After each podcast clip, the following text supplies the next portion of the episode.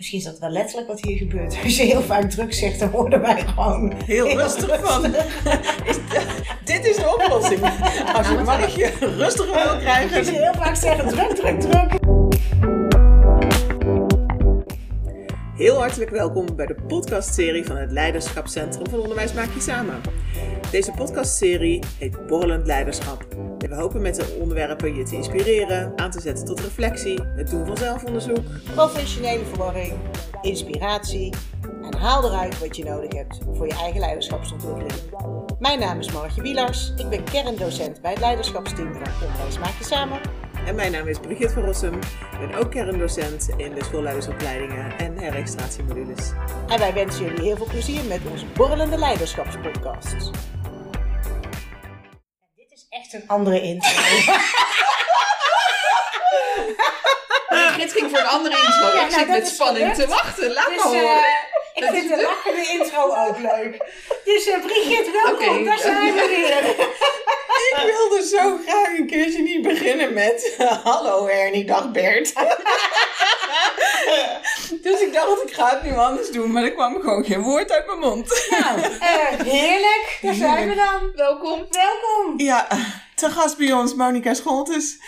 We hebben Monika al eerder in onze podcast uh, eens een keertje genoemd. Van, uh, ja, onze collega Monika zegt dan loop je. In het plan, zit je in het plan van jezelf of zit je in het plan van een ander? Ja, klopt. Dat, zeg jij vaak. Ja. ja. En ik vind het zo'n prachtige uitspraak. Want bedoel, wij, wij begonnen vanochtend. Uh, kwam eigenlijk zo'n gesprek op gang van uh, iedereen heeft het druk. Als je vraagt aan mensen hoe gaat het met je, is het antwoord druk. Of het is sowieso druk. De tijd van het jaar, einde schooljaar. Druk. Druk, druk, druk, druk. druk. Houd erop. Nou, en, en toen kwamen we eigenlijk een beetje op het gesprek over time management en persoonlijk leiderschap en zelfmanagement. En uh, ja, toen zei ik ook van, uh, ik, ik, ik, wat is dat nou toch? Dat we altijd maar beantwoorden met het antwoord druk. Ik heb het druk. Druk is ook gewoon, zeg ik nu iets heel loms, een beleving. Ja, ik zeg altijd vaak tegen mensen, dan zeggen ze, wat heb je het druk? En dan zeg ik al, wat, wat valt, wat is voor jou druk? Wat, welke waarde geef je aan het woord druk inderdaad? Ja. Ja, het is maar net, uh, ik vind het altijd heerlijk om het druk te hebben. Dus voor mij is het ook een positieve manier van lekker actief bezig zijn. Als ik het druk heb, dan ben ik dingen aan het doen waar ik niet blij van word. Dan heb ik het druk. En dan kan het eigenlijk niet eens zo vol zitten in mijn agenda. Ja, dus de ene druk betekent niet eens hetzelfde nee, als de en dat is dus welk waarde, welk waarde geef je aan, welke waarde geef je aan dit woord? Ik blijf dat altijd mateloos interessant vinden.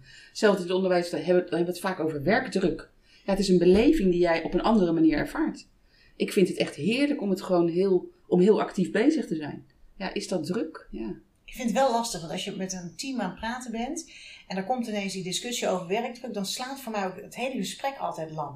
Het, haalt, het, het, het, lijkt wel of alle energie, alle zuurstof eruit gezogen wordt. Er is niet meer, er is geen energie meer dan om uh, wat kan ik eraan doen en uh, hoe ga ik dat nou oppakken of hoe ga ik daarmee om. Of, eigenlijk kom je heel erg, eh, als je het over time management hebt, dan kom je ook over je persoonlijk leiderschap. Hoe goed kan jij plannen, nee zeggen tegen dingen, ja zeggen tegen de juiste dingen waar je energie van krijgt. Ja. Nou, daarom heb ik ook altijd wel, zit je in het plan van jezelf, zit je in het plan van een ander. Als jij altijd vanuit je eigen plan acteert en doet waar je vrolijk van wordt, passend binnen jouw kernwaarden, hoe, hoe kan je dan druk ervaren? Ja. En als je constant zit in het plan van een ander, dan ben je altijd met een red race bezig om te pleasen of het goed te willen doen of ja, give it a name. En dan uh, kan je het ervaren als zijnde, ik heb het te druk en ik kan het niet managen. Ja, er zijn natuurlijk altijd wel stukjes van je werk die, zou ik maar zeggen, erbij horen. Die dan, hè, voor 90% is mijn werk super en fantastisch. Maar ergens, ja, weet je, ik heb ook afstudeeronderzoeken naar te kijken. Um, dat is toch het allerleukste van jouw werk? Afstudeeronderzoeken nakijken? Ik vind de inhoud kei interessant. Maar de tijd die ik er, zou ik maar zeggen, aan bezig ben, ja, dat vind ik wel een hele investering hoor. Omdat het dan veel van hetzelfde is op hetzelfde tijdstip.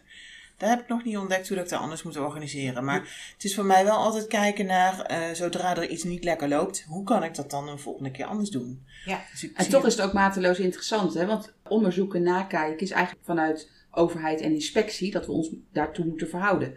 Ten, ten diepste, Brigitte, als ik aan jou vraag, wat is jouw plan daarin? Ja, dan heb ik het al lang gezien.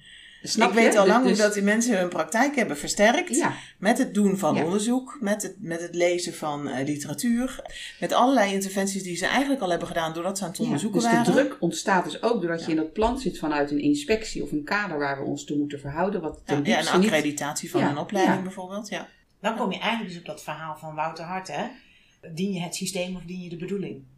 En de vraag is, die vraag hebben wij natuurlijk heel vaak met elkaar ook. Tot waar moet, en moet je het systeem dienen, omdat dat namelijk gewoon eh, onvermijdelijk is? Maar wat gebeurt er als je niet in dat plan meegaat?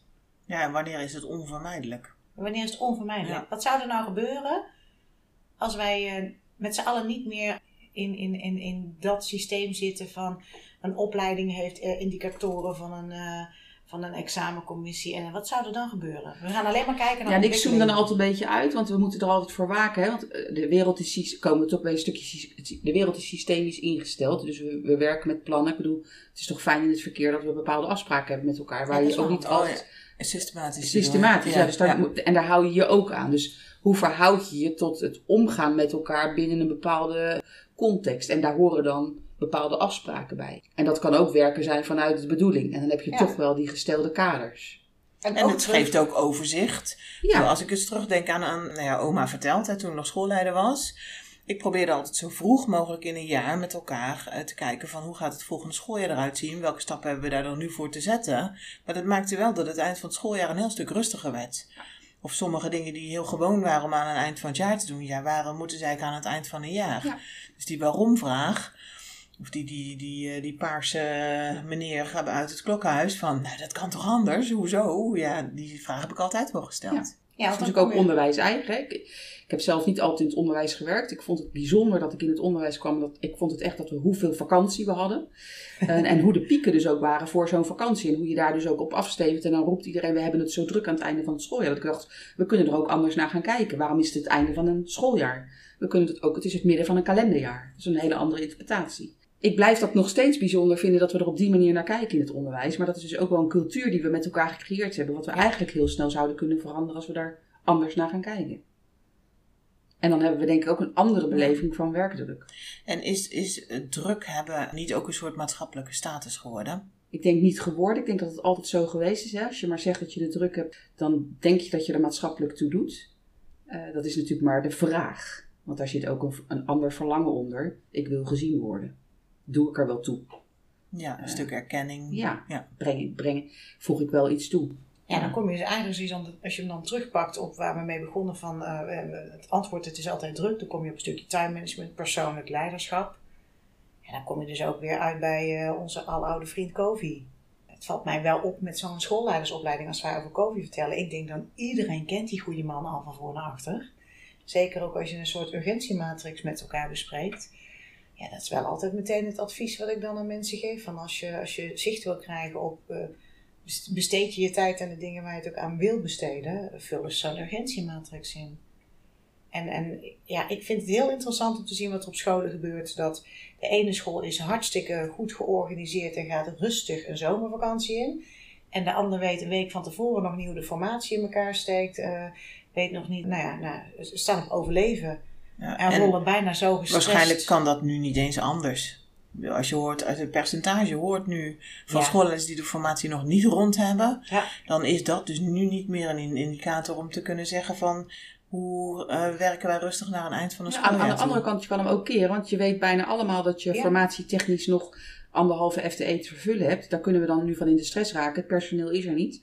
Dus het kan ook gewoon zijn wat het, wat het dan is. En we gaan gewoon wel in rust naar die vakantie toe. En we weten dat er nog een gat te vervullen valt. En misschien moeten we dan iets anders gaan inrichten. Of grotere groeven of wat dan ook. Maar je hebt de keuze om je daar heel druk over te gaan maken. Maar je hebt ook gewoon de keuze om te denken...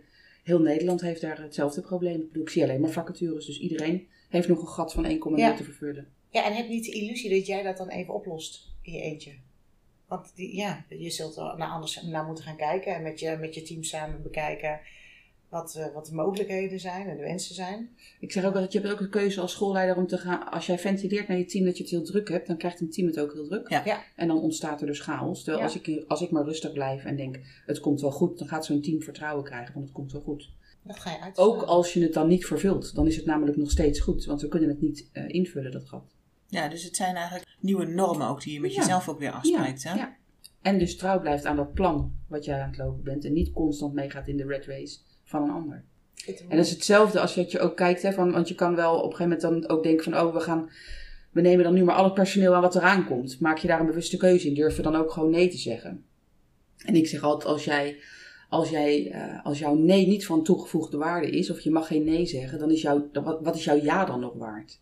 En zo kijken we natuurlijk ook niet naar organisatie. Zeker niet voor personeel. Klopt. Dus als nee geen optie is, wat is mijn ja dan waard? Ja, en ook inderdaad het stukje wat heb je nog weg te geven. Eh, als, je, als je zelf, zou ik maar zeggen, het gewoon niet over hebt.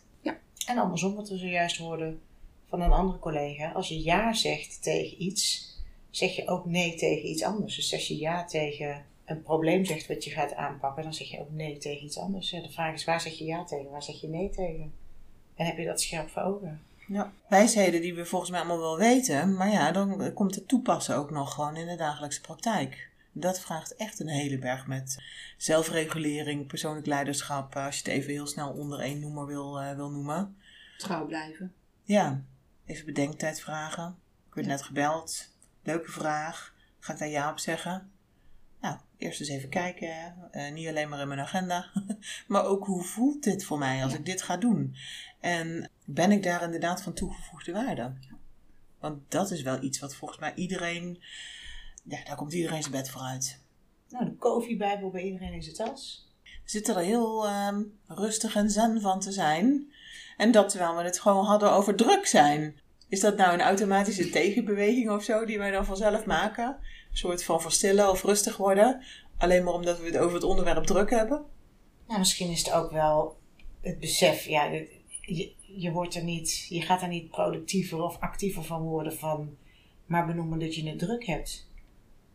Dus misschien is dat wel letterlijk wat hier gebeurt. Als je heel vaak druk zegt, dan worden wij gewoon Heel rustig van. Is dit- dit is de oplossing. Als je het mannetje rustiger wil Als krijgen. je heel vaak zegt druk, druk, druk, dan houdt ze vanzelf op. Ja. Maar voor mij zit het ook wel heel erg op de laag als, als je het heel vaak hebt over we hebben het druk, ben je eigenlijk niet echt in contact. En wat ik dan doe, dan zoom ik uit en dan ga ik erboven hangen van wat, wat signaleer ik nou echt en wat voel ik nou echt. En welke andere vraag zou ik willen stellen om weer in contact te komen.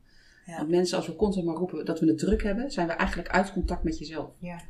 In ieder geval met jezelf. Ja, en daardoor dus ook altijd. En dan dus ook met de anderen, ander. Ja. Dus ik, doe dan bewust, ik, ik ga dan Ja. bewust even uitzoomen om te kijken van hé, hey, wat zie ik nou daadwerkelijk echt? Om weer een vraag te kunnen stellen, om die ander weer in een ander stukje bewustzijn te gaan krijgen. Ja, mooi. Ja. Dank jullie wel, eh, dames, voor Ja, dit jij gesprek. Jullie Dank ook. u. Dank u.